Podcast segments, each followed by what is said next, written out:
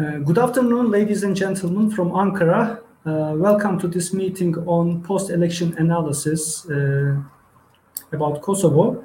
My name is Mehmet Uğur. I am a foreign policy researcher uh, at SETA in Ankara. Uh, the title of today's panel is uh, Assessing Kosovo's Election Results, What to Expect Next. Uh, indeed, the elections uh, that took place in Kosovo on 14th of February uh, ended with a very interesting result. Um, the Vetëvendosje movement, which has been known as an anti-establishment political movement, received a landslide victory, while the predominant parties in Kosovo's politics uh, have received serious losses of vote. Um, and now uh, there are a number of questions that come to mind uh, with regard to Kosovo's internal developments during the next term, next government, under the next government, uh, as well as the wider implications of uh, political changes in Kosovo uh, in Balkan politics. Uh, so there are uh, plenty of events and opinions uh, raised about what can happen in Kosovo and in the Balkans after the elections, the February elections. Uh, so at uh, SETA, we have organized uh, a web panel, and I'm delighted that we have very distinguished speakers today, four speakers, who are all experts on Balkan politics and especially experts on Kosovo. Uh, so I am very interested to hear uh, their opinions and comments regarding uh, the elections and after in Kosovo. so without further delay, I would like to introduce our speakers because we have already four speakers, so our time is a bit tight. I would like to ask all our speakers to give their comments within 15 minutes maximum, uh, and hopefully then uh, we will have some questions coming from the audience uh, this event is currently uh, broadcast live on SETA's platforms uh, on different social media websites and applications.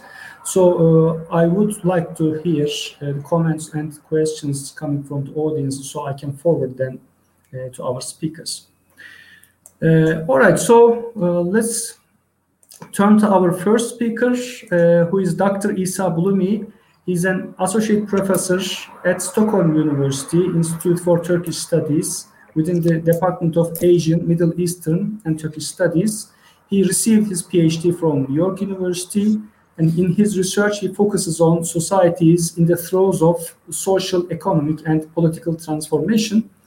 Uh, and he has uh, published extensively on uh, Ottoman history and successive regimes of the Ottoman Empire and current developments in the Balkans. Uh, so, Dr. Bulumi, uh, I would like to ask if you could comment on the historical and socio-political processes that led to the rise of the uh, Vetëvendosje and its uh, recent landslide victory. I mean, how can we explain all this? Um, thank you for having me um, join your audience, and it's good to see some of old friends again. Uh, uh, which is really a, a phenomenon um, drawing from the enduring struggle for peoples of Kosovo since indeed the end of the Ottoman Empire, in fact, uh, to find some kind of um, equal balance between the immediate needs of, of sustenance uh, as well as the dignity that comes with being um, either autonomous or independent politically, culturally, economically. And um, the enduring uh, legacy of the Balkan Wars, uh, the direct occupation of Kosovo, the systematic efforts to depopulate or demographically transform the population, um, in the meantime, to exploit it economically as a, a region that could provide the necessary uh, wealth production of uh, first a, uh, a, kingdom of some sort, and then after World War II, a reconfigured socialist uh, federation that still um, retained the exploitative relationship that Kosovars experienced with Belgrade, uh, built generations of very different kinds of resistance. Um, the most devastating over the long term, however, has been um, uh, large swaths of the populations actually moving, leaving uh, their homelands to find resettlement opportunities in Turkey, which often facilitated with uh, agreements with Belgrade to, uh, to accept large numbers of Kosovars on the basis that they were either Muslims who could be easily assimilated into Turkey or who could then continue on as guest workers uh, to Western Europe later on. Similarly, large numbers of Kosovar Albanians especially ended up um, indeed leaving for industrializing Western Europe uh, in the 1960s and 70s, creating, um, ironically enough, an important uh, channel of communication and economic exchange that actually allowed Kosovars uh, to have some uh, leverage um, by the fact that they had family members earning German marks or Swiss francs in the 70s and 80s. So they were able to at least sustain some kind of very um, uh, shallow existence in Kosovo as autonomous entities. That's translated into, I think, probably what shaped Vetëvendosje's uh, most um, charismatic and indeed uh, public figure, Albin Kurti, who, um, as a young student in high school, even was already leading efforts to try to address the egregious human rights abuses, um, the lack of um, self-determination, the the basically impossibility of imagining a life outside of uh, Serbia's direct control that was um, continuous from uh, the beginning of the 20th century until uh, the outbreak of wars in Yugoslavia in the early 90s. And uh, Albin Kurti, as a, a well-known student activist, got himself in trouble quite often with the officials in Kosovo, often um, officials who were Albanians themselves. He had developed a reputation of being uh, able to outwit in argument anyone um, who tried to defy him. So the basic tactics uh, was to suppress him and his closest allies. Um, he organized, helped organize an organization called KAN, Kosovo Action Network, that was actually a, a larger uh, international operation since 1997 to try to somehow bring the port, uh, profile of Kosovo's um, plight to the larger world, as well as mobilize people inside Kosovo to act, um, let's say, more effectively um, against the oppressive uh, government coming from Belgrade uh, that was personified in, in Milosevic. And importantly, KAN had a very different approach than the um, the main party at the time, uh, led by Ibrahim Rugova. And this would lead for uh, uh, the, the, subsequent decade or so of, of antagonism between Albin, Albin Kurti, his allies, like-minded allies, who really wanted to see him push a political um, agenda that was not complicitory. It was not one willing to negotiate Kosovo's independence, uh, Kosovo's destination for some kind of mediated uh, middle ground, which was um, the forte, unfortunately, of Rugova, and as we learned subsequently after the war, others who became political leaders in Kosovo. So Albin Kurti was arrested. He ended up in prison in, in, in Serbia and was only released well after the end of the war. Um, it was assumed that his political um, future was limited, uh, and yet he was able to um, step right back in um, already quite charismatically from Serbian prisons, uh, able to un, um, unleash uh, discourse that uh, enabled certain elements of Kosovar's activist society to actually believe that there was an alternative to what was NATO's, UN's mediation um, and the offer of basically um, autonomy, freedom from oppression, um, economic, slow inter economic integration, but really not much hope in terms of being really independent. And so this would be an ongoing campaign that would lead uh, uh, re leads uh, KAN to actually transform into what is today Vetëvendosja. It became a very active party at the time when Kosovo's independence uh, was, uh, at least on paper, uh, um, uh, ready to be negotiated, uh, but the terms of that independence was very much one that was not to the liking of large numbers of Kosovo Albanians. And this is where Albin Kurti's outspokenness, his resilience, his ability to articulate the frustrations of Al Albanians inside Kosovo, in neighboring Albania and Macedonia, as well as in the larger diaspora, which I must remind the audience, um, well over half the Kosovo's population are actually in the diaspora over several generations. And they constitute a very powerful and important component to the story uh, moving forward. Uh, Albin Kurti's ability to articulate these frustrations, this uh, underlying recognition that the political elites that been had been picked and chosen by NATO, by the UN, by the United States, especially, uh, were um, not really um, pushing the agenda that would resolve the economic destitution of upwards of 50% of Kosovo's uh, under 25 who still live in a, uh, in a conditions of unemployment. Um, it's very hard to foresee Kosovo's economy to uh, move much beyond where uh, its um, failed state at this stage. Um, the constant uh, negotiation and selling off of Kosovo's key assets to often uh, for pennies on the dollar, reminiscent of very much what happened to Soviet Union in the early 90s, uh, certainly continued to frustrate Kosovars who were nationalistic, who believed that there, there was an opportunity for Kosovo to carve out a place in the larger world that was independent, that was um, predicated on this principle of self-determination. And again, Kurti was really able to articulate um, these frustrations. And by 2017, really became the biggest, most popular party in Kosovo, despite not being able to enter into some coalition um, as all the parties that now have, as we've seen from the last election, really lost out, uh, refuse to cooperate and work with Albin Kurti. And this um, lack of cooperation, this often very host hostile attitude towards Kurti and his cohort, uh, which, as we can see now, easily half the uh, voter population embrace his message um, has led to a, an enduring conflict, not only domestically in terms of politics between Albanian parties, but also uh, Kosovo's, let's say, mentors in the larger world. The United States does not think kindly of people like Vendosia's leaders, um, especially Albin Kurti. Unfortunately, even Turkey has had a very um, difficult relationship with Vendosia, which has consistently tried to thwart um, these um, privatization schemes, especially in, uh, regarding the airports, regarding KEK, which is the um, electricity and then um, tele telecom uh, companies that were national assets that were being sold off very cheaply by the old political parties. And Vetëvendosje was standing up to this.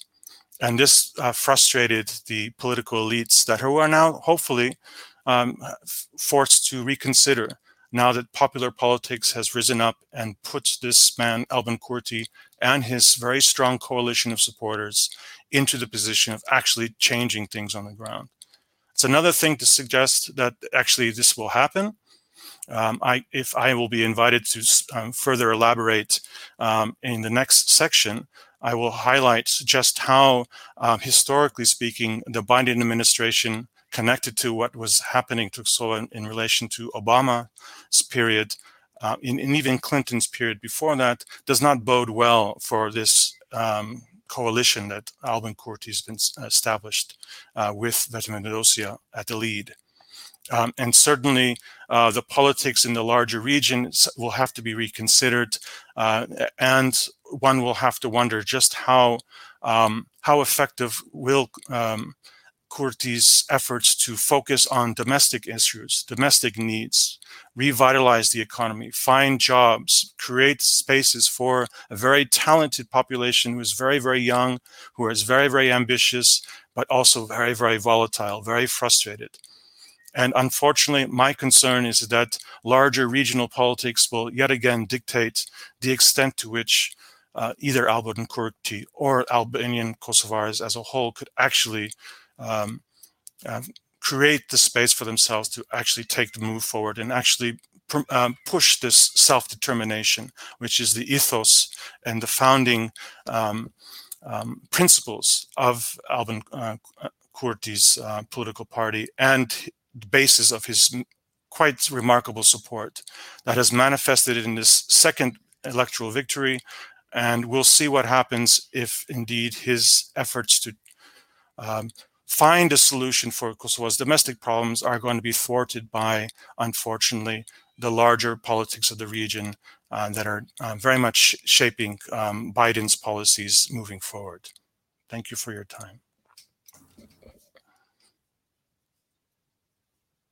Uh, background information, it was very helpful to understand the background conditions that led the rise of uh, the Vetëvendosje, and especially the enduring economic and social problems in Kosovo uh, seemingly was the most important uh, factor uh, that led to this outcome. And also, uh, as you told, uh, some leadership skills of uh, Albin Kurti was very influential in making this grassroots movement into a political party. So thank you very much again. by using this background information, now we will try to make sense of what will happen next under the new political atmosphere in Kosovo. So, uh, as our second speaker, I would like to go to uh, Istanbul, uh, where Erhan Turbedar is going to join us from. Uh, Dr. Erhan Turbedar, originally from Kosovo, received his PhD from Gazi University with a thesis on transportation policies in the Southeast Europe countries. And he has published uh, on Southeast Europe, uh, its politics and its economy at different think tanks in Turkey and lectured on the Balkans at Turkish universities. He worked as senior advisor positions in international organizations, including, including the Regional Cooperation Council and the Organization of Islamic Cooperation. Uh, currently, he works as a senior consultant at the Cooperation Council of Turkic-speaking states. So uh, I'd like to ask you, uh, Erhan, bearing in mind the future ch uh, changes in the Kosovo political scene, and the ongoing dynamics of global and regional politics, uh, how would you comment on the future of Kosovo? Mehmet, first of all, I would like to thank you and SETA, of course, for inviting me to attend to this meeting. I apologize from all your guests because uh, just uh, last minute development took place. I, am in another meeting and just gave a short break in order to be able uh, to say a few words. I will try to be as brief as possible and with apologizing uh, leave the meeting earlier uh, using this opportunity let me also uh, greet your guests particularly my dear uh, friend ambassador leon malazoglu if he is uh, online. Well um, uh, in my opinion Kurti did a political revolution in Kosovo. The last results shows that it reminds me actually in those historical moments when people take their destinies in their hands. And these moments are very rare in the history of the people. And i think that this moment just happened with uh, such a big uh, victory there. Uh, it was i agree that it was a kind of referendum towards uh, existing political parties uh, and lessons have to be learned from the from uh, these results because uh, unfortunate for many years i was always speaking that we have to do something else anymore in kosovo. It's not anymore for politicians to speak about status. Status is there. Uh, i mean uh, kosovo is one uh, unquestionable factor uh, in in uh, international system.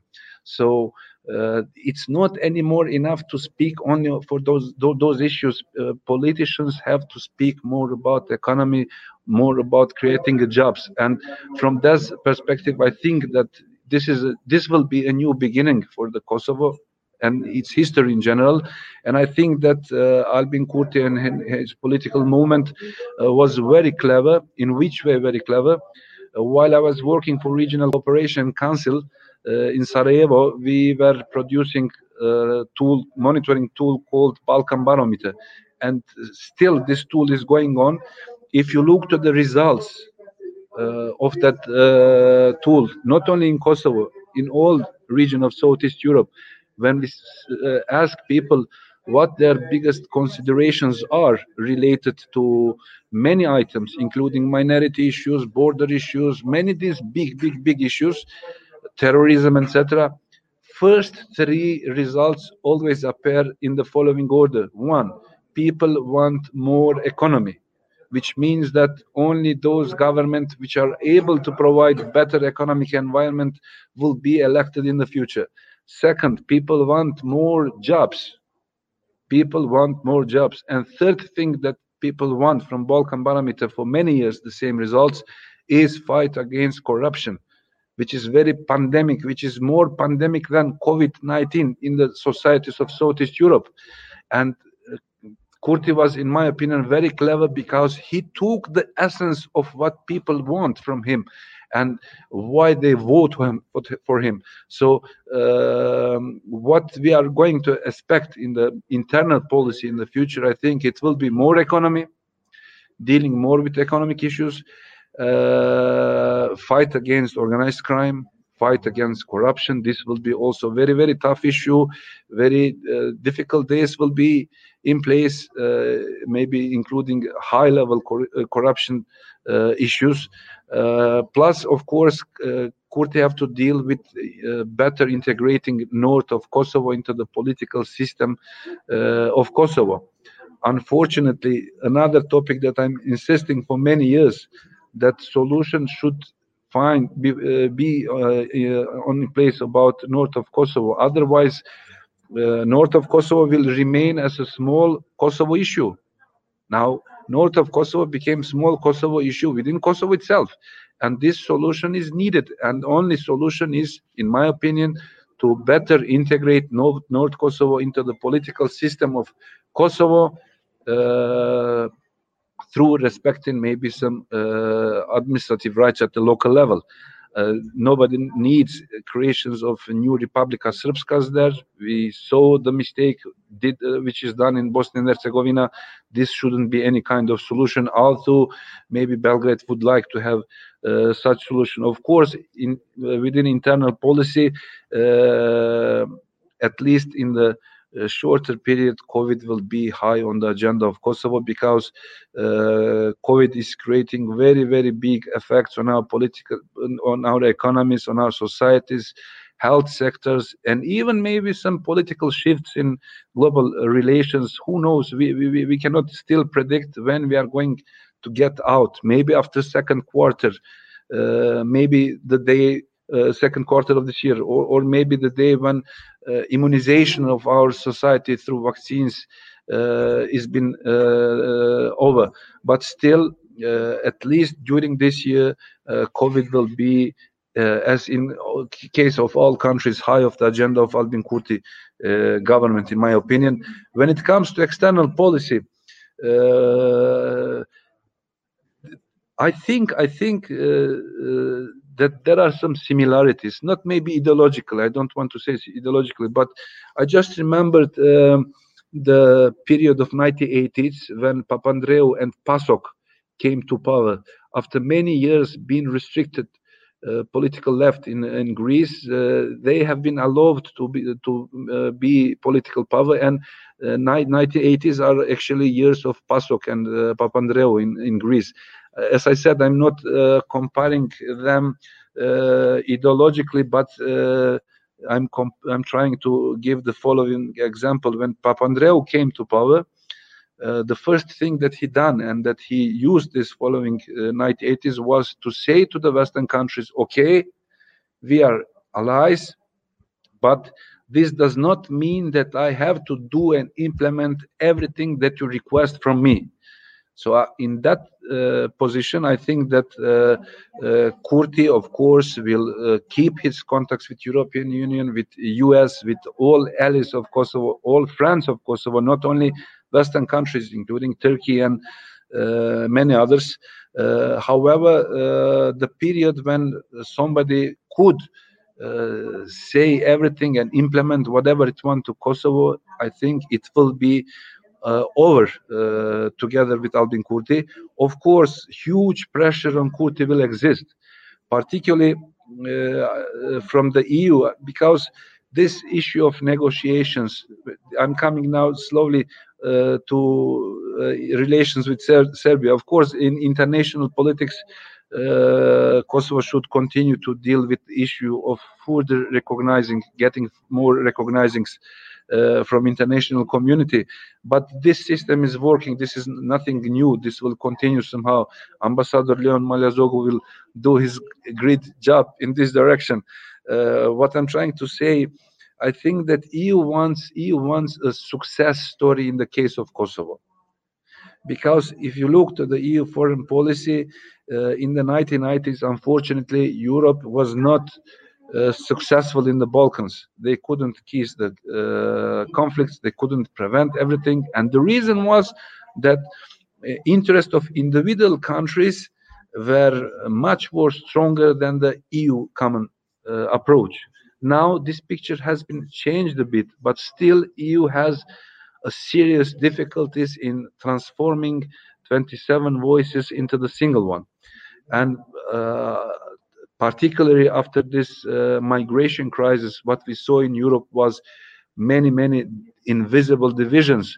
It, it was not only division between, between East and uh, West of the Europe, this historical ideological division, but we saw also divisions between North and South. So many divisions are there, and uh, EU has really uh, significant problem in transforming these 27 voices into the single one and in the case of Kosovo, they need a success story. For many years, you are present there. You are negotiating. You are uh, you you have to come with a solution. Otherwise, you will appear again unsuccessful, as it was the case in uh, 1990s. From that perspective, uh, this will be uh, in, in, in general uh, western balkans were a kind of test for uh, strength of eu foreign security policy during in the period after 1990s.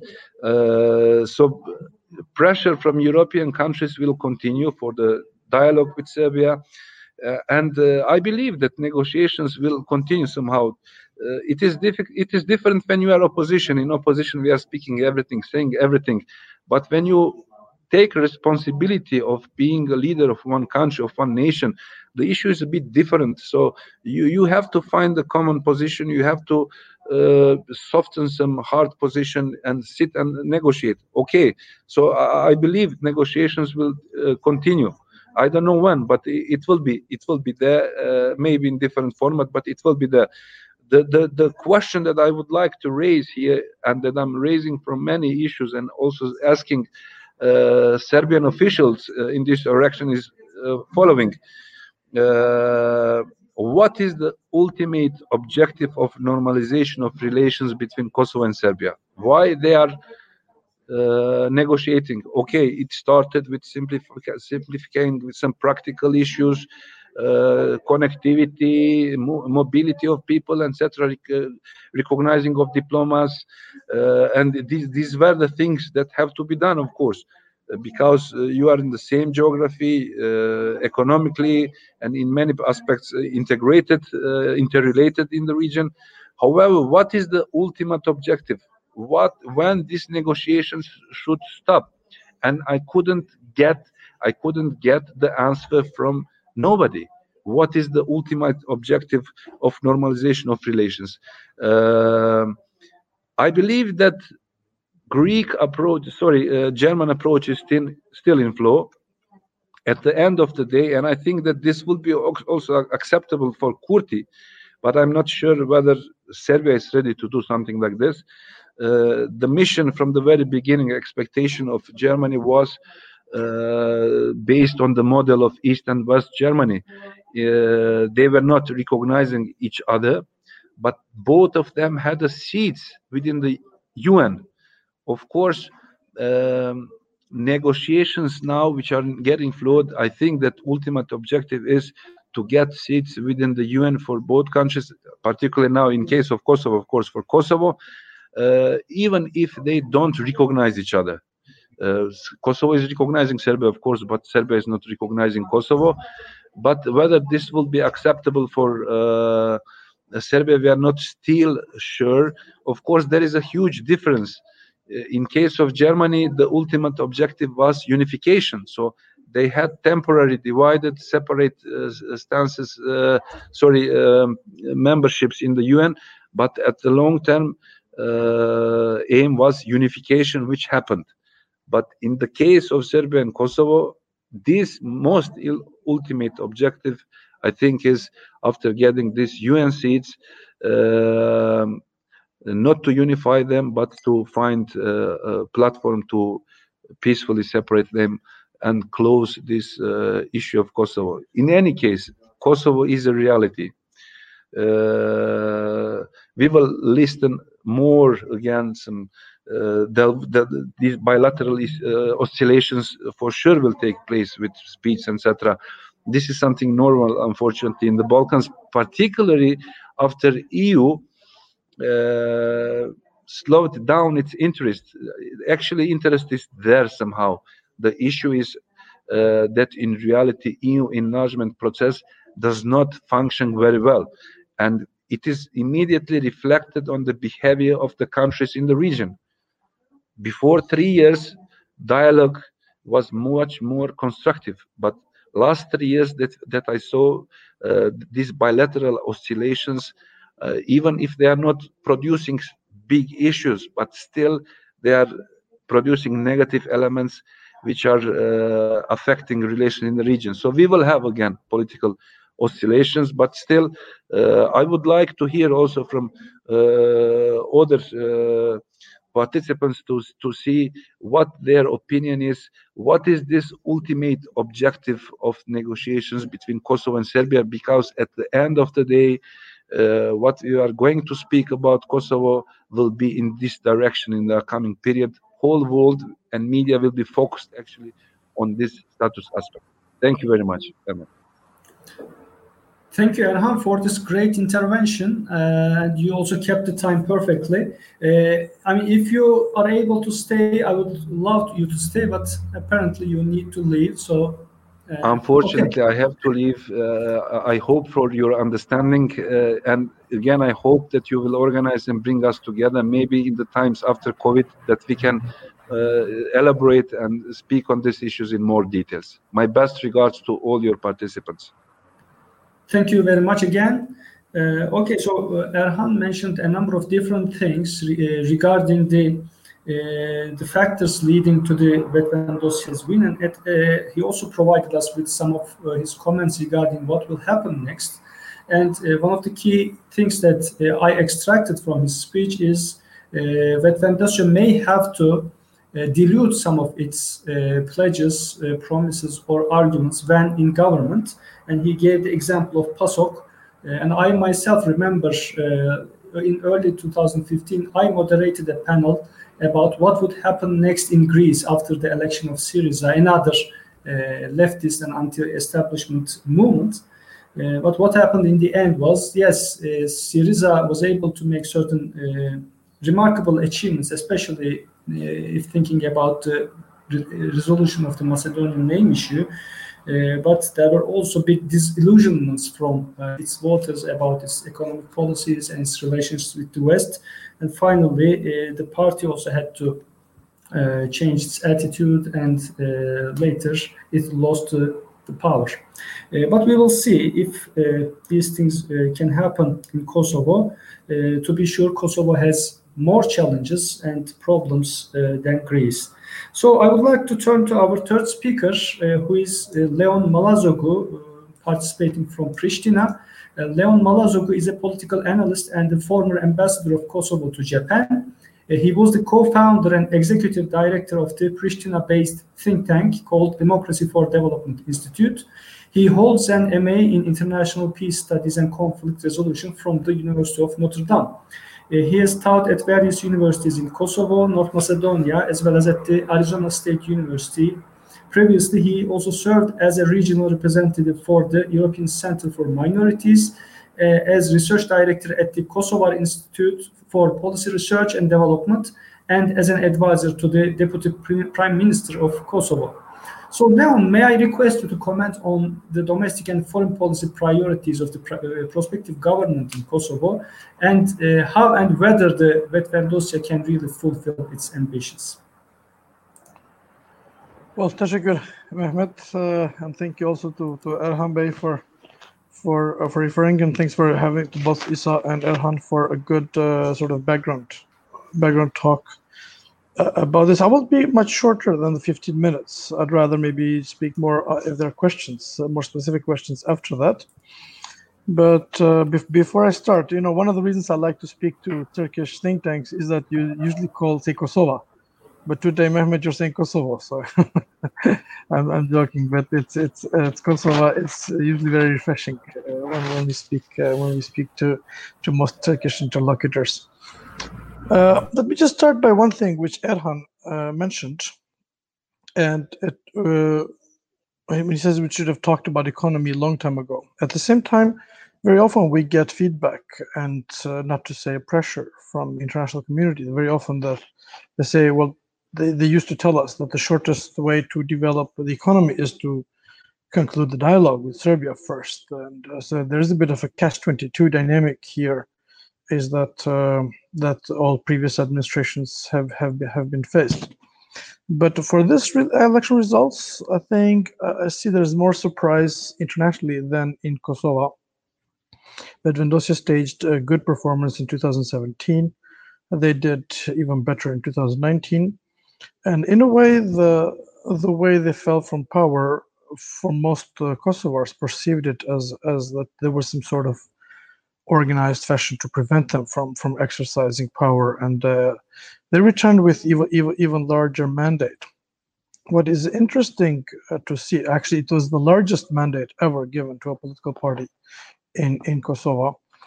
And what is more interesting is that uh, this victory was done without really major promises uh, it was, in a way, a strong motion of no confidence for the outgoing political elite, not necessarily for particular parties, but overall uh, for the elite and uh, citizens were asking for some something fresh. So most of the debate was uh, for domestic issues and reasons. And uh, interestingly, this was also the first election campaign where whether we get visa liberalization to the EU was not really part part of the discourse uh, so the the Vetëvendosja won the mandate purely talking about anti-corruption, talking about a bit more equitable uh, development, uh, and so on. If there was any international dimension to it, was sort of a rejection of how parts of the international community treated Kosovo and uh, related to dialogue, uh, let's say uh, delay with acquiring visa liberalization. Remember, Kosovo it has been now quite a few years that Kosovo has fulfilled all the criteria, and uh, but still, the, uh, now the political objections to Kosovo get acquiring visa liberalization from some um, member countries. So in a way, this completely disappeared from the discourse from the narrative, and Vetëvendosja won purely based on uh, based on the domestic agenda. And now it's also it's not for no surprise, uh, dialogue with Serbia is not part of the top priorities. And, um, uh, justice, anti-corruption, and development, and, and other policy agendas are are higher up. And uh, a short comment on the name. While Vetëvendosja does indeed mean uh, self-determination, and this was certainly part of the identity, a clear primary identity of this movement uh, when it started at the outset. But today's Vetëvendosja is much more of an anti-corruption outfit. Uh, it is clear that this will certainly be part of the part part of the uh, part of the narrative, and Mr. Kurti himself is a strong believer in the anti-colonialist movement and uh, and uh, also in the development models of anti-colonial um, models. At the same time, uh, this party has moved much closer to the mainstream. I think it's uh, far less room to accuse them as nationalists as those as, as, they were accused in the past or as leftists. And also, uh, the, the composition of the M MPs, MP candidates of this party is much more various and much more diverse. Uh, under so Mr. Kurti has managed to put under one roof to include people of very different different backgrounds uh, to achieve this result. So basically, Vetëvendosja, which won two weeks ago, is uh, quite a different outfit. And certainly, as Erhan said, um, every party, uh, when they have to govern, they have to become much more pragmatic uh, in in many ways, and I, and I mean that in a good sense, not not in, not in a negative sense.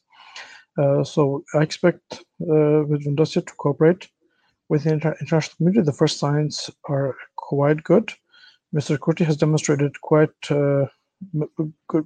maturity and more of a statesman-like approach uh, on the election eve. For example, he urged his followers uh, not to be triumphant, not to go out with to celebrate uh, with cars, as the custom is. he has vowed not to take revenge. So it is early, but overall the level of enthusiasm in Kosovo is very high of, of a new beginning. And certainly the large margin of victory should urge critics to, to give uh, plenty of time be, be, before the, to, for the new government to settle properly and to start to govern before they can start to, to criticize. At the same time, it's a bit refreshing, even for those who disagree, it's a bit refreshing that for the first time Kosovo will have a government which will not depend on small parties. For, for a few previous governments, small parties in coalition uh, was really, in a way, the cancer of governance because uh, they would they would have significant demands, not only to form the government, but even to vote for every law or every decision.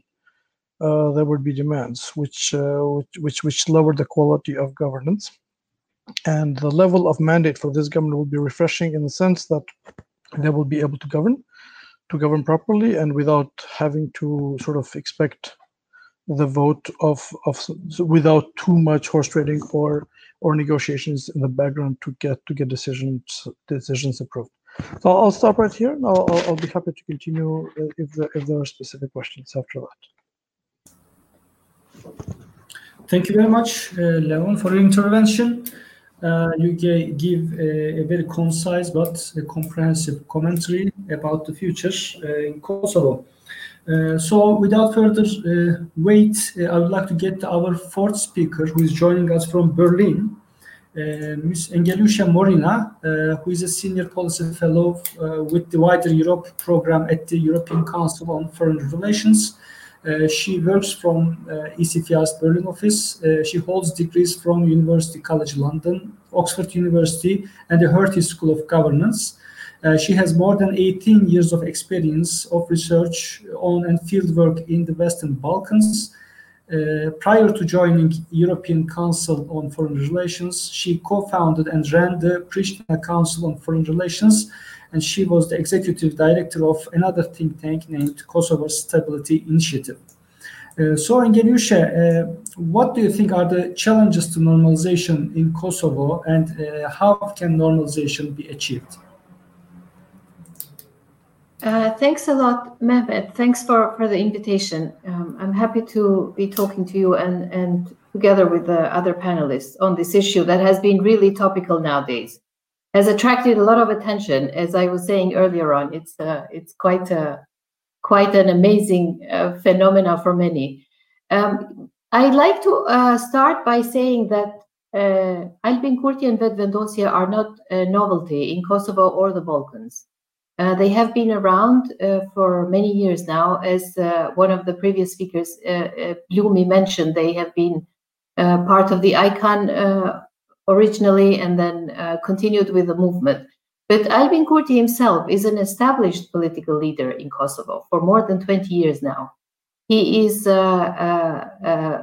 well aware of what he's you know, going to be dealing with. He has a clear picture, I think, and a vision what what he will um, get on to be doing in the new running the new government uh, as he has been like i said around for quite a, a long time. And despite all the obstacles he he persevered. And uh, here we are. He's got the uh, close to 50% result in the last election. And i think this is uh, probably a combination of not just um, the frustration of population with uh, all the previous governments or the lack of deliver- delivery of the previous governments, but also uh, the fact that uh, a very promising government of last year, early last year, which Kurti ran with a junior coalition partner, LDK, was uh, brought to an end just after 52 days uh, due to um, uh, international pressure on the dialogue. So, just a side note, this was the third government in Kosovo that was brought down uh, because of um, lack of uh, political coherence in Kosovo, how to continue with the dialogue with Serbia. And so, if I understood your uh, question right, I think it was more kind of more directed towards the normalization process that Kosovo and Serbia are supposedly um, uh, going through and will have to will have to complete in one way or another in, in the near future. But I would just like to to stop maybe um, uh, in in the domestic uh, scene for a little bit. I think Kosovo is a very weak uh, state. It has a really weak economy. It has huge unemployment. It has been weakened further by the pandemics. Uh, so there are many many uh, internal issues that are quite pressing. And then there is the very weak uh, statehood that Kosovo had kind of uh, suffered from, especially in the past uh, in the past few years, um, because everything has been so much focus on the process of the dialogue with Serbia, and more or less everything else was either very kind of rashly done uh, or ignored. Uh, issues like economy, it was mentioned a couple of times by previous speakers. Uh, so I think uh, before Kosovo goes into uh, prioritizing normalization with Serbia, it's I think it's quite wise that an internal focus has to be prioritized basically. And and all the issues that have been mentioned in the campaign are very crucial issues. Uh, corruption is indeed endemic in kosovo. Uh, there is not only um, high level corruption but i think the problem is also petty corruption that one finds in in uh, various levels of um, of local governance in Kosovo, and of course there are there are socioeconomic issues uh, uh, quite pressing that Vetëvendosja has uh, vowed to look into. So I think this is uh, this is already uh, already good news and and a kind of a positive step to focus on. But like Leon was saying, we need to wait a little bit until the government is in, in place and then we can maybe start criticizing and analyzing further. Uh, because so far we the, the election uh, process has not ended. There still the counting is still going on, and we need to also wait and see what uh, format the government or what shape or form the government will take. Who will be the uh, particular ministers and so on and so forth.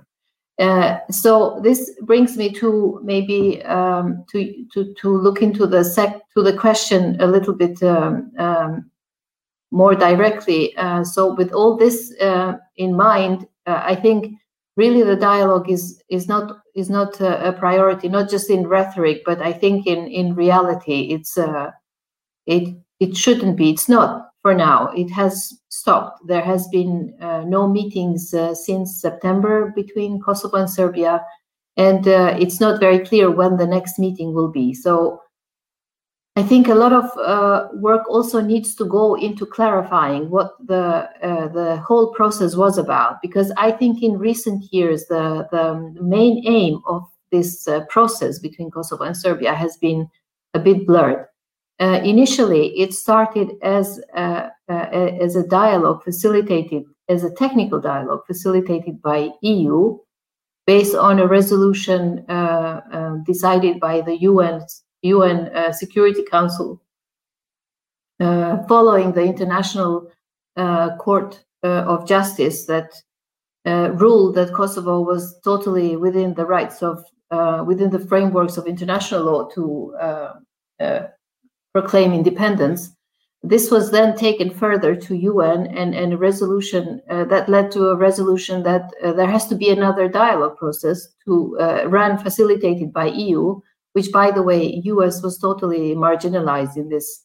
There's uh, no mentioning of, uh, of US in this resolution. So then we ended up with starting a technical dialogue in 2011 even then it was not so clear what the normalization process actually means and and so we can assume that it meant uh, you know kosovo will be a fully functioning state at the minute that it finds a comfortable solution into accommodating uh, serb community in particular in kosovo so we i think we have been really talking all along since 2011 how to uh, find a solution to the north of kosovo uh, and uh, since 2011, in fact, since 2008, the, the, the, situation in the north of Kosovo has deteriorated, uh, especially in recent years, has deteriorated even further. And I think those who follow what goes on in Kosovo have noticed that, uh, you know, north is quite volatile, especially with the with the recent, uh, if I could say, you know, campaign behavior of uh, a, a party that is directly linked to the president of Serbia, Lista Srpska. Uh, so uh, in 2008, just as a side note, um, uh, when Kosovo proclaimed its independence, um, local Serbs out of um, frustration, revenge, so on and so forth, burned border um, border posts and they um, also destroyed the courthouses in the north of uh, uh, Kosovo, in north of Mitrovica, uh, which was yet another sign that they weren't really that interested to uh, be part of uh, the future developments that Kosovo was going to go through. In all this, there was no help or no uh, action from international community that was present in Kosovo. So we had, from 2008, we had this new reality in the north of Kosovo this new reality of a territory of not more than 10,000 square kilometers being totally unruled uh, uh, by the Kosovo institutions. So then this was a pretext on the need to start yet another dialogue process that has not, uh, you know, that has not uh, proven to be fruitful at all um, in the recent years, especially in the last few years, but especially since the, um, the, the September agreement in Washington. Kosovo really suffered a huge regress in international uh, fora, so to speak, and um, has not seen any major developments, even in when it comes to uh, its European perspective. That it's, uh, of course, constantly there in rhetoric, but as uh, uh, it was mentioned here before me, um, Kosovo still doesn't have visa liberalization, and this this the, the conditions for granting Kosovo visa liberalization has been fulfilled, but for some obscure reason, this has not been completed yet. So um, I think before we talk about normalization and what the normalization will entail, I think it's really important to clarify uh, the main aim of, of the process. And from what I can understand, uh, uh, from from statements from recent statements coming out of incoming prime minister uh, the dialogue will not be a priority but also how we go about the dialogue there there are ma- very many signs and hints that that uh, uh, the new incoming government will propose a different approach and when i say a different approach is is the fact that they mentioned that there is a real need to start a dialogue with communities in kosovo and I think if the main aim of the dialogue was to accommodate uh, Serb community, then uh, to me, it's to this day not very clear why do we have to talk to the Serbian president rather than establish a dialogue with the communities in Kosovo. In this case, with the Serb community in Kosovo, uh, in the north especially. And so I think um, the conditions were never created for Kosovo institutions to reach out properly to the north of Kosovo.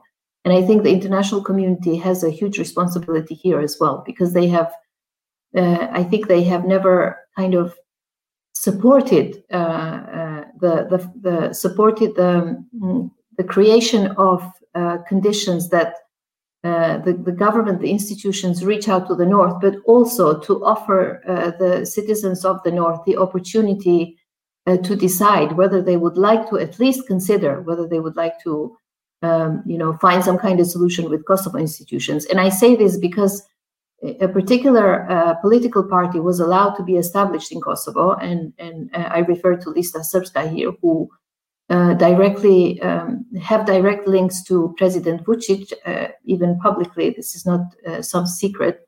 So instead of uh, helping the citizens in the north try and find out for themselves who they want to be represented by uh, they have allowed i mean everyone involved has allowed to to have uh, this uh, creature called lista srpska that to this day it's uh, rather playing an obstructionist role uh, than uh, any kind of a constructive role. So i think um, I, I, do agree that um, maybe the dialogue the approach to the dialogue has should be over should be really looked carefully and uh, maybe uh, you know su- support the process that goes more towards talking to the local Serbs in Kosovo or or the local Serbs in the north, but other communities as well in Kosovo. There are other communities who live there as well. So a, a proper, healthy discussion or dialogue with the community between the government and the communities should take place first of all, and then whatever the remaining issues that you know, uh, need to be discussed with Serbia. That should be uh, uh, another level. So I think before we um, Uh, continue, or, or, before we um, kind of focus on this, uh, the fact that uh, incoming prime minister has said that the dialogue is not a, a priority. Maybe we can look into what would what it would entail for for the government to have um, to have the opportunity to reach out to the north of Kosovo and for the citizens of the north to be able uh, to at least have the opportunity to decide for themselves whether they want to be governed by uh, institutions of Kosovo or whether they want to continue being being told what to do from Serbia. So I think maybe I, I leave it on this when it comes to uh, normalization. Uh, but I, uh, with regards to uh, Kosovo's position uh, vis-a-vis EU, I think um, the main obstacle there is, and and I and I really, when I say the main obstacle, this is the crux of the matter, is the five non-recognizers. And to this day, it's really not very clear why there is, in one hand, this rhetoric that Kosovo has a European perspective but on the other hand, there are the five recognizers who actually are a detriment to the rhetoric of the perspective, uh, EU perspective for Kosovo.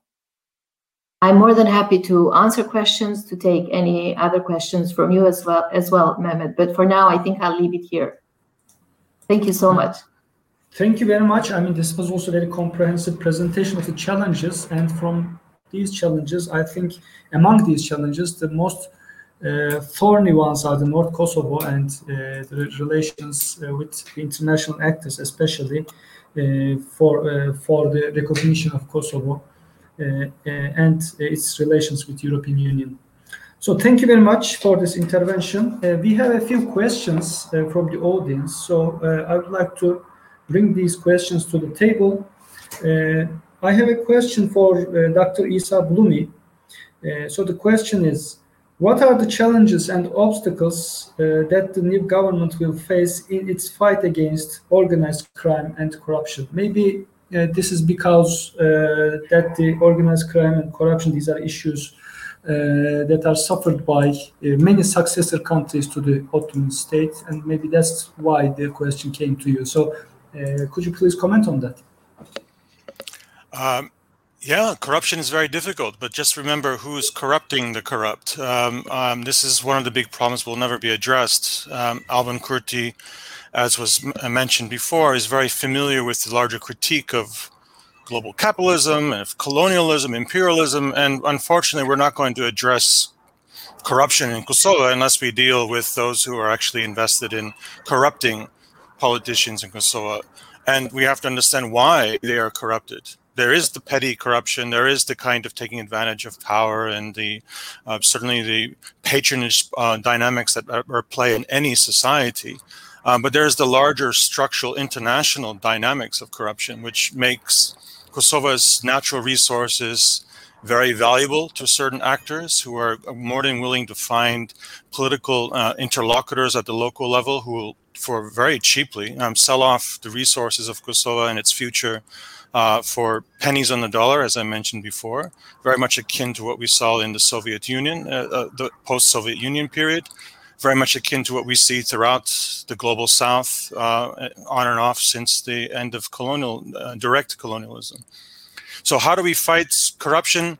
Um, cooperation from the outside world could also, you know, be a very important component. But when you literally have powerful regional actors and larger European slash American players corrupt themselves.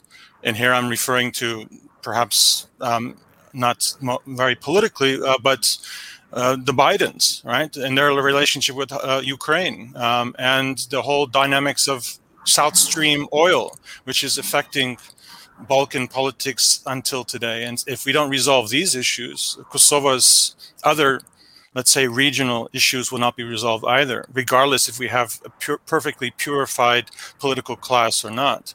Uh, because there, there is regional and, and international politics that corrupt um, our societies. Uh, we, we cannot be immune to these corrupting factors um, on, on, our own. This is why we've had political parties who have been supported uh, directly or indirectly uh, for years and sustained this corrupt system. It's because they facilitated this larger international political economy of uh, exploiting resources, natural resources, supply chain dynamics, and especially energy pipeline um, factors, which again, Kosovo is sadly in the middle of a very important struggle that's affecting Europe, uh, Eurasia, and the Middle East.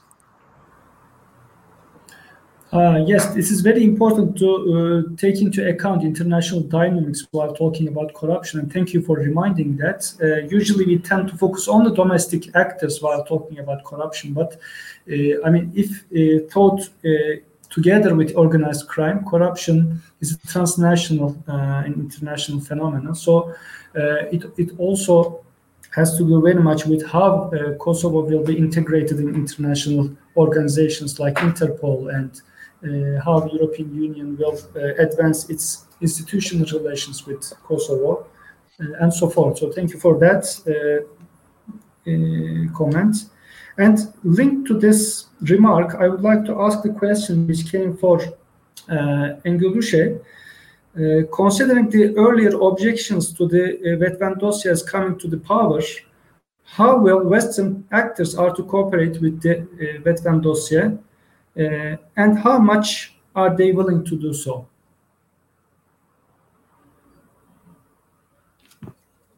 Sorry about that. I think there was a, a, disinformation campaign going on for quite a long time, saying that uh, international community doesn't like Albin Kurti or Vetëvendosje or not willing to work with them.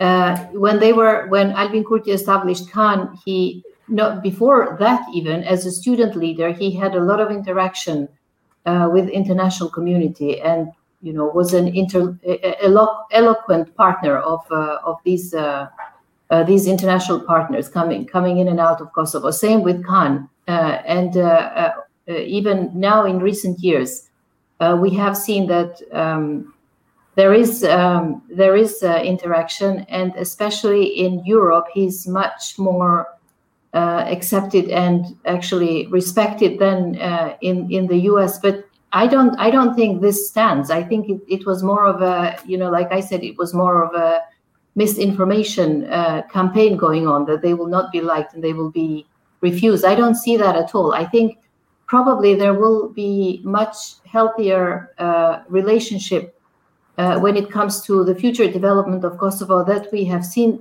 uh, uh, so far. and the reason why I say this is because what we have seen in the in recent years, it was more of a reactive policy making, internal and uh, inter international policy making from Kosovar leaders. So they were, you know, most of the most of the time they were waiting to be told what they should be doing. And I don't think this will be the case from now on. So I see a different, more constructive relationship developing uh, Uh, further. Uh, thank you uh, for these leading uh, remarks. Uh, and now I'd like to uh, read the question which came for Leon. Leon, do you think the deals, actually deals are in quotes, so do you think the deals brokered or sold by the Trump administration, like the documents signed in September and the land swap idea, uh, is still be on, it will still be on the table? I think first the deals brokered by the Trump administration, there's a bit of question legally to if there are obligatory on the sides uh, first. So in that sense, they might be partly implemented depending on the level of interest perceived and depending on the vigor that they're pursued by uh, by the new administration. I think if uh, there's overall, Secretary of State will seek continuity to the degree possible from the previous government. So they will try to implement or to pursue what uh, in a way makes sense to them, and they may not be as vigorous on parts of the uh, on parts of the deal that that uh, are, are not really in, in, in their interest so much. Regarding the land swap, it's uh, it, it, it's interesting. I, I think in principle the idea is dead uh, at the same time, if the sort of deadlock lingers for too long, there will be more stakeholders that keep mentioning that. Uh, you can see the latest uh, paper by the ICG. in a way, uh, so it's still mentioned there. So, in principle, uh, if the cost of no deal becomes too high, this idea will keep cropping up. But at, at this moment in time, I think in Belgrade they realize that this idea is uh, is a no go at the moment, and in Kosovo there's no there's no serious political actor that mentions that mentions this idea at the moment. Although to I think to be fair, this idea but became a bit radioactive more from the because it got politicized it became part of the the domestic political debate. And it was also partly because based on the unpredictability of how this could be implemented. Uh, personally i was in many sort of close discussions where i would heard i would hear positive inclinations to the idea. But uh, but strong resistance precisely because of of perhaps along the way Belgrade would change the terms and bring us to a fait accompli, which would not be to our satisfaction. So, but in principle, this idea will only be sort of scotched and will be will be closed if a better one uh, is actually pushed uh, pushed forward and works. Thank you very much for your response. Uh, now I have a question which uh, again came for Leon, but I would uh, also invite other speakers uh, to comment on that because it's an interesting question. Uh, how will Kosovo's relations with Albania unfold under the new administration, and what are the options of the Vetëvendosje government to advance relations with Albania? Okay, well, since it's for me, I'll, I'll start shortly, and then uh, I would be also curious myself to hear my, my other colleagues uh, about, about, their opinion. But in principle, with Vendosia, and uh, here I, I support what Engjellushe said, because I think the image of Vendosia was a bit, uh, let's say, some of the, the, the worrisome parts of some previous statements by Vendosia took much more of an echo internationally than than they needed. Uh, I think they, it was a bit as we often tend to demonize uh, all, all, the parties depending on in, in some stages. And uh, was seen as uh, very much pro-union with Albania. At the same time, I think the relations uh, between uh, the leadership in Kosovo and leadership in Albania would probably at an all-time low. And uh, for various reasons, partly because of the involvement of Albania's Prime Minister Rama in a way in the dialogue with Serbia in a way which was not to Kosovo's liking. So this was certainly not welcome in Kosovo in the in in the past. Uh, uh, I think about a year ago, if if I'm not mistaken. So this will certainly be Kosovo Albania will need to find a sort of a new balance.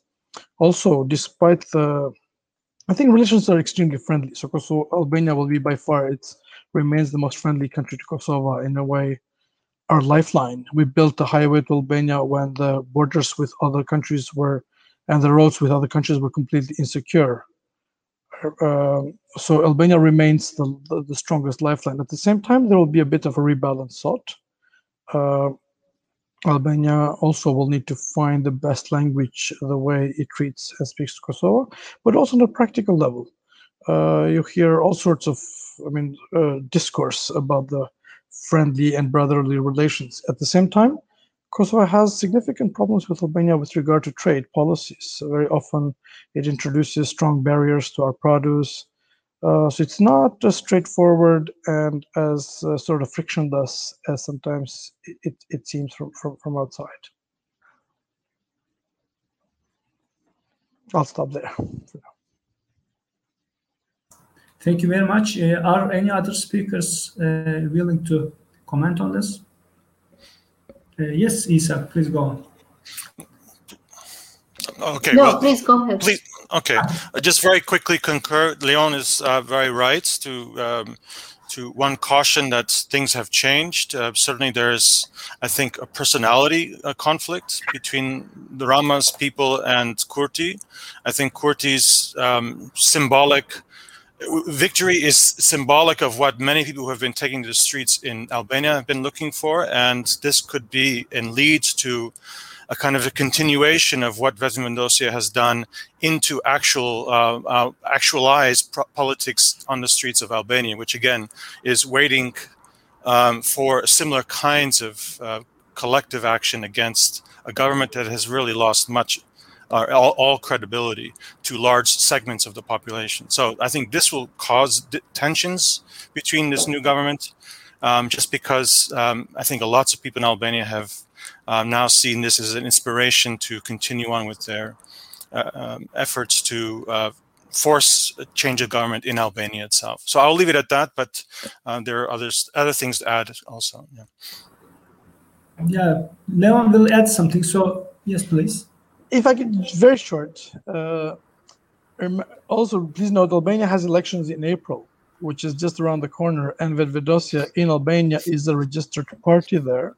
So, the, but the timing is very short but it will be curious to see that this energy and this sort of enthusiasm in Kosovo and and apathy in Albania, how much of that translates uh, into uh, the electoral score in Albania. So it's certainly part of the net of the narrative, maybe, uh, but I wouldn't say it's too strong. But let, let let's see how much of that uh, spills over. Yeah, and Engjellushe, would you like to add to that? So I just want to say briefly that no matter who is in power in Albania or in Kosovo, there is a natural link between Kosovo and Albania. There's the, the cultural link, there is the relationship links. Many people in Kosovo uh, have uh, family ties to Albania and so on and so forth. But in this case, I think when Albin Kurti was the prime minister last year for a short period of time, he, he initiated or wanted to initiate uh, governmental meetings between Kosovo and Albania, but he was obstructed by uh, different different uh, institutional leaders in Kosovo. And uh, Edi Rama, Albania's prime minister, didn't did not show any particular willingness to start this because I think they were all uh, expecting to see him go soon. But apart from this, I think another phenomena that both Leon and Isa mentioned is this this, um, uh, you know, not only in Albania, but in, in other regional countries, uh, you, you hear more often people wanting to see the same change in their own, own countries as what it took place in Kosovo, because the trust in institutions and leaders has been very, very low for some time in uh, Balkan countries because, you know, elections are not a tool to bring about change. They're just a tool to keep establishments in power. And what happened in Kosovo is, uh, is, is something that everyone is admiring. But in particular in Albania, as Leon mentioned, there are upcoming elections, but Vendosia is already established there, and they will be running as independent candidates. So I think I, this would be something to look very closely whether Albanians themselves will want Vetëvendosje to be strong in Albania without Albin Kurti having to do anything from Kosovo. Yeah, that's an interesting thing to wait and see. And we don't have too much time to wait, so uh, we will have the answer within a couple of months. Thank you very much for, for these insightful comments. I mean, the relations with Albania is something that I'm also very curious to see uh, the developments and uh, also the responses from other countries, from the region and uh, from international arena. So I have two questions left, which uh, are quite linked to each other. So uh, I'm just going to read them together and open the floor for uh, any speakers because no specific name is uh, mentioned here. Uh, so the first question is that this year's elections was the fourth general elections in less than seven years. Can we finally expect some political stability in Kosovo? And the second question is that since the Vetëvendosje is now the predominant political actor, what may happen to the two mainstream parties? Will they likely transform or wait for the Vetëvendosje to blunder or fail? Or should they expect the political scene to change completely? Good questions. Okay, please, whoever would like to take the floor, I will give the floor. Yes, Engjellushe. I can try. I think the first the first uh, uh question was more or less answered uh, Vetëvendosje has a very strong mandate. And uh, this is actually quite good in many ways because just, just as a reminder, during the pandemics, uh, the legislation uh, really uh, failed to uh, pass very important legislation, legislation in order to help uh, population with the pandemics because of the politicking and because of all the, you know, whatever goes on behind the closed doors and they couldn't come to some sort of an agreement. Like the economic recovery failed to be voted in the parliament in crisis seventh time. So I think now this is this is good news in many ways because probably we won't see such a thing because it's one party with a very strong mandate. Uh, so uh, th- that's uh, already a, a, good news in many ways. And by the way, this is uh, six snap elections since 2010 in Kosovo. It's not it's not four, so it's even worse.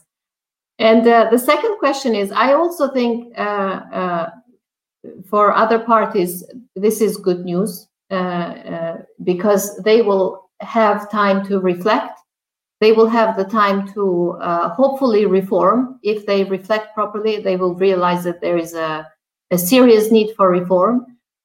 maybe one one or two party might wither further in the next elections because, like I said, they mainly did not have anything to offer in the previous legislations, and their politic uh, their their policy approach was more reactive rather than uh, proactive. So I think it's uh, it's good. I think Vetëvendosje's uh, win, uh, the way that it kind of uh, unfolded in Kosovo, sent very positive signals around. Like for for other parties, for example, we have seen mass resignation in LDK. So hopefully there will be uh, party elections in there, and the party will start reforming. Uh, you know, it's about time for LDK, for example, to start reforming. For PDK, it's really good time to sit and reflect, especially after they have um, uh, lost their leader in a way. Two of their more, most popular leaders are sitting in Hague now. So for them, this is this is great opportunity to look into what exactly happened to them in the past years. Okay. Uh, are the other participants uh, also want to do they want to say something? Yes, uh, Isa, please go ahead. Leon, please, you, you you're up before me. Yeah, uh, okay. it's okay. it's it's Mehmet's uh, discretion. Uh, In any case, well, uh, okay, Leon, you can go, and then I'll give no, the floor no, it's okay. We, we, um, Okay, but maybe very shortly. I mean, this is kind of a standard. I would say it's a standard answer. It's for any party which wins such a large mandate, a big chunk of that, and, and in a way, much more than just a year ago. So that's clear. These are not votes that were always uh, like loyal votes to this party. So these are either, I mean, parts, parts, partly it's new voters, it's young people and women. And this is something that uh, actually in my previous engagements as a think tank with many papers we used to argue listen, young people are not voting, women are not voting, nobody's capturing their votes. And Vetëvendosje did that. They listened to that and they went and tried to sort of respond to the needs and agendas of these two major categories. Another big category is, is diaspora. And diaspora has one sort of advantage is that uh, they're by default they're out. They cannot be part of the nepotistic in a way uh, and clientelistic networks. In a way, they're not the ones who benefit. Uh, who benefited from from from in, in in the previous administrations, but overall, uh, and some of them were basically voters who who abandoned other parties. LDK had a big split up and the, basically the the main candidate for the prime minister who got almost as many uh, as many votes as Kurti last elections. She switched uh, and joined the list of Vetëvendosje. Uh, not the not the party, but the electoral list. So there's a big distinction there. So, these are partly the reasons. So some of these votes will stay with Vetëvendosje if they govern well, and some of them will will not stay if they don't govern well. And actually even if they govern well some of them will be disappointed because you can never satisfy everybody's uh, expectations. So but we'll see. We will have a, a, a, quite soon another test. We will have we have, will have municipal elections in the fall. So this will be a big test for Vetëvendosje if they're able to sort of identify good candidates for the municipal elections.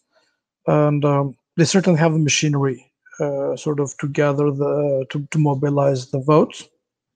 At the same time, it will it will depend if these votes, if these voters again uh, start to abstain, not to vote at all, or if they go back to other parties.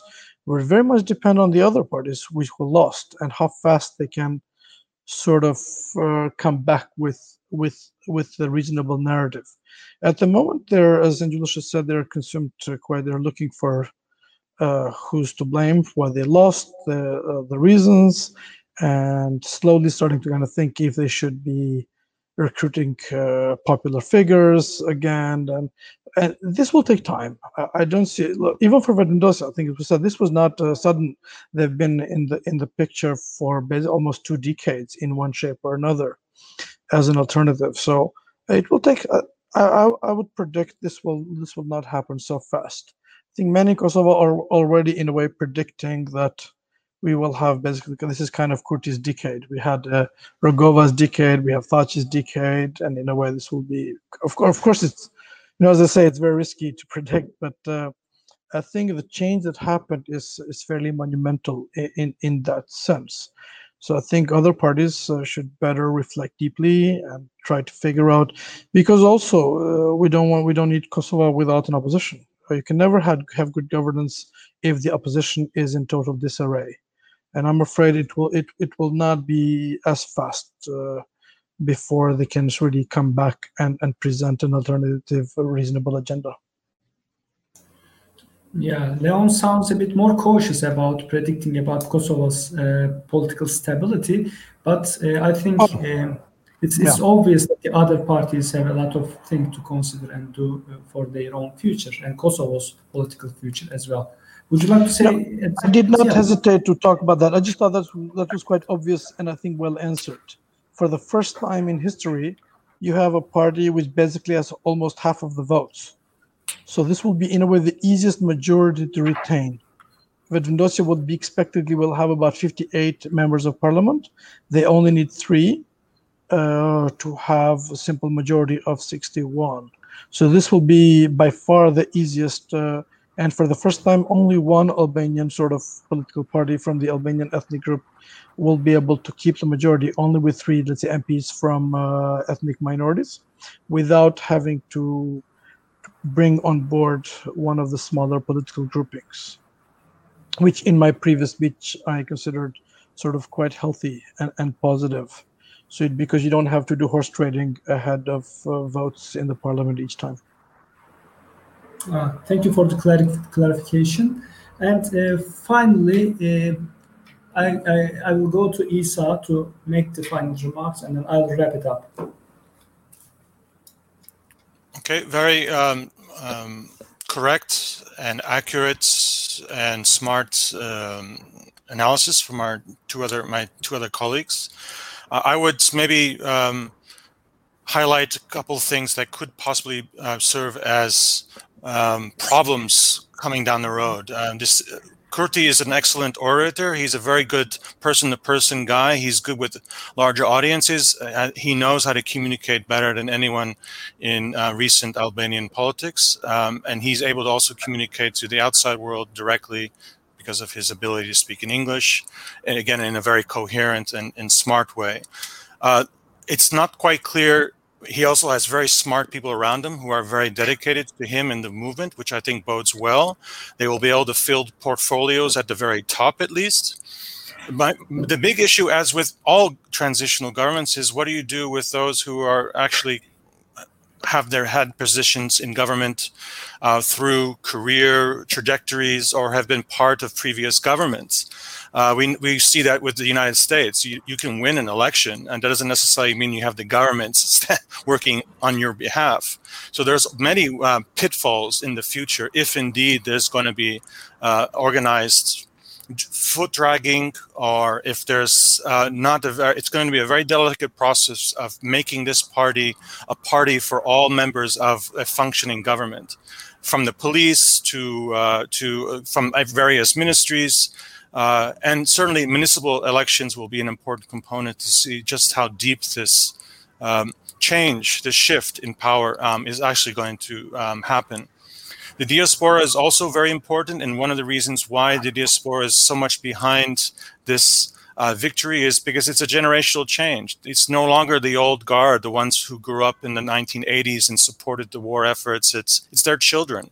It's the generation who moved to the West after the war, and in many times they don't even remember the events of the war, but they are very much mobilized by uh, very popular themes that Kurti is able to tap into, and um, they they see common cause, which was not iterated very well or articulated very well by other parties. And it's not clear that they'll be able to do so in terms of communication for the, the, the medium term forward. So uh, we could see continued growth of Vetëvendosje's kind of uh, influence over domestic politics. But it has to produce results. And so this is my primary concern and, and warning is that do we have cooperation from um, government itself, the actual day-to-day apparatus of the government, which again has functioned in a dysfunctional way in many occasions. And is that going to be easy to change? I don't think so. And we're going to need a lot of help with a lot of money, perhaps, uh, to make this vision that Kurti and Vetëvendosje has provided people to actually make it something possible with a, a society and a, and a government that looks the way it does at this stage. Uh, thank you very much. Uh, actually, the, our time is uh, now up, so I would like to close this excellent panel. I think we touched upon almost everything, so I'm delighted with the interventions and insights coming from our four speakers, Isa Blumi, Leon Malazogu, Engjellushe Morina, and also in absentia, Erhan Türbedar. So uh, I would like to close this session. Again, thank you for participating and thank uh, you for listening, all the audience. And I, I hope to see you in our future events. Bye.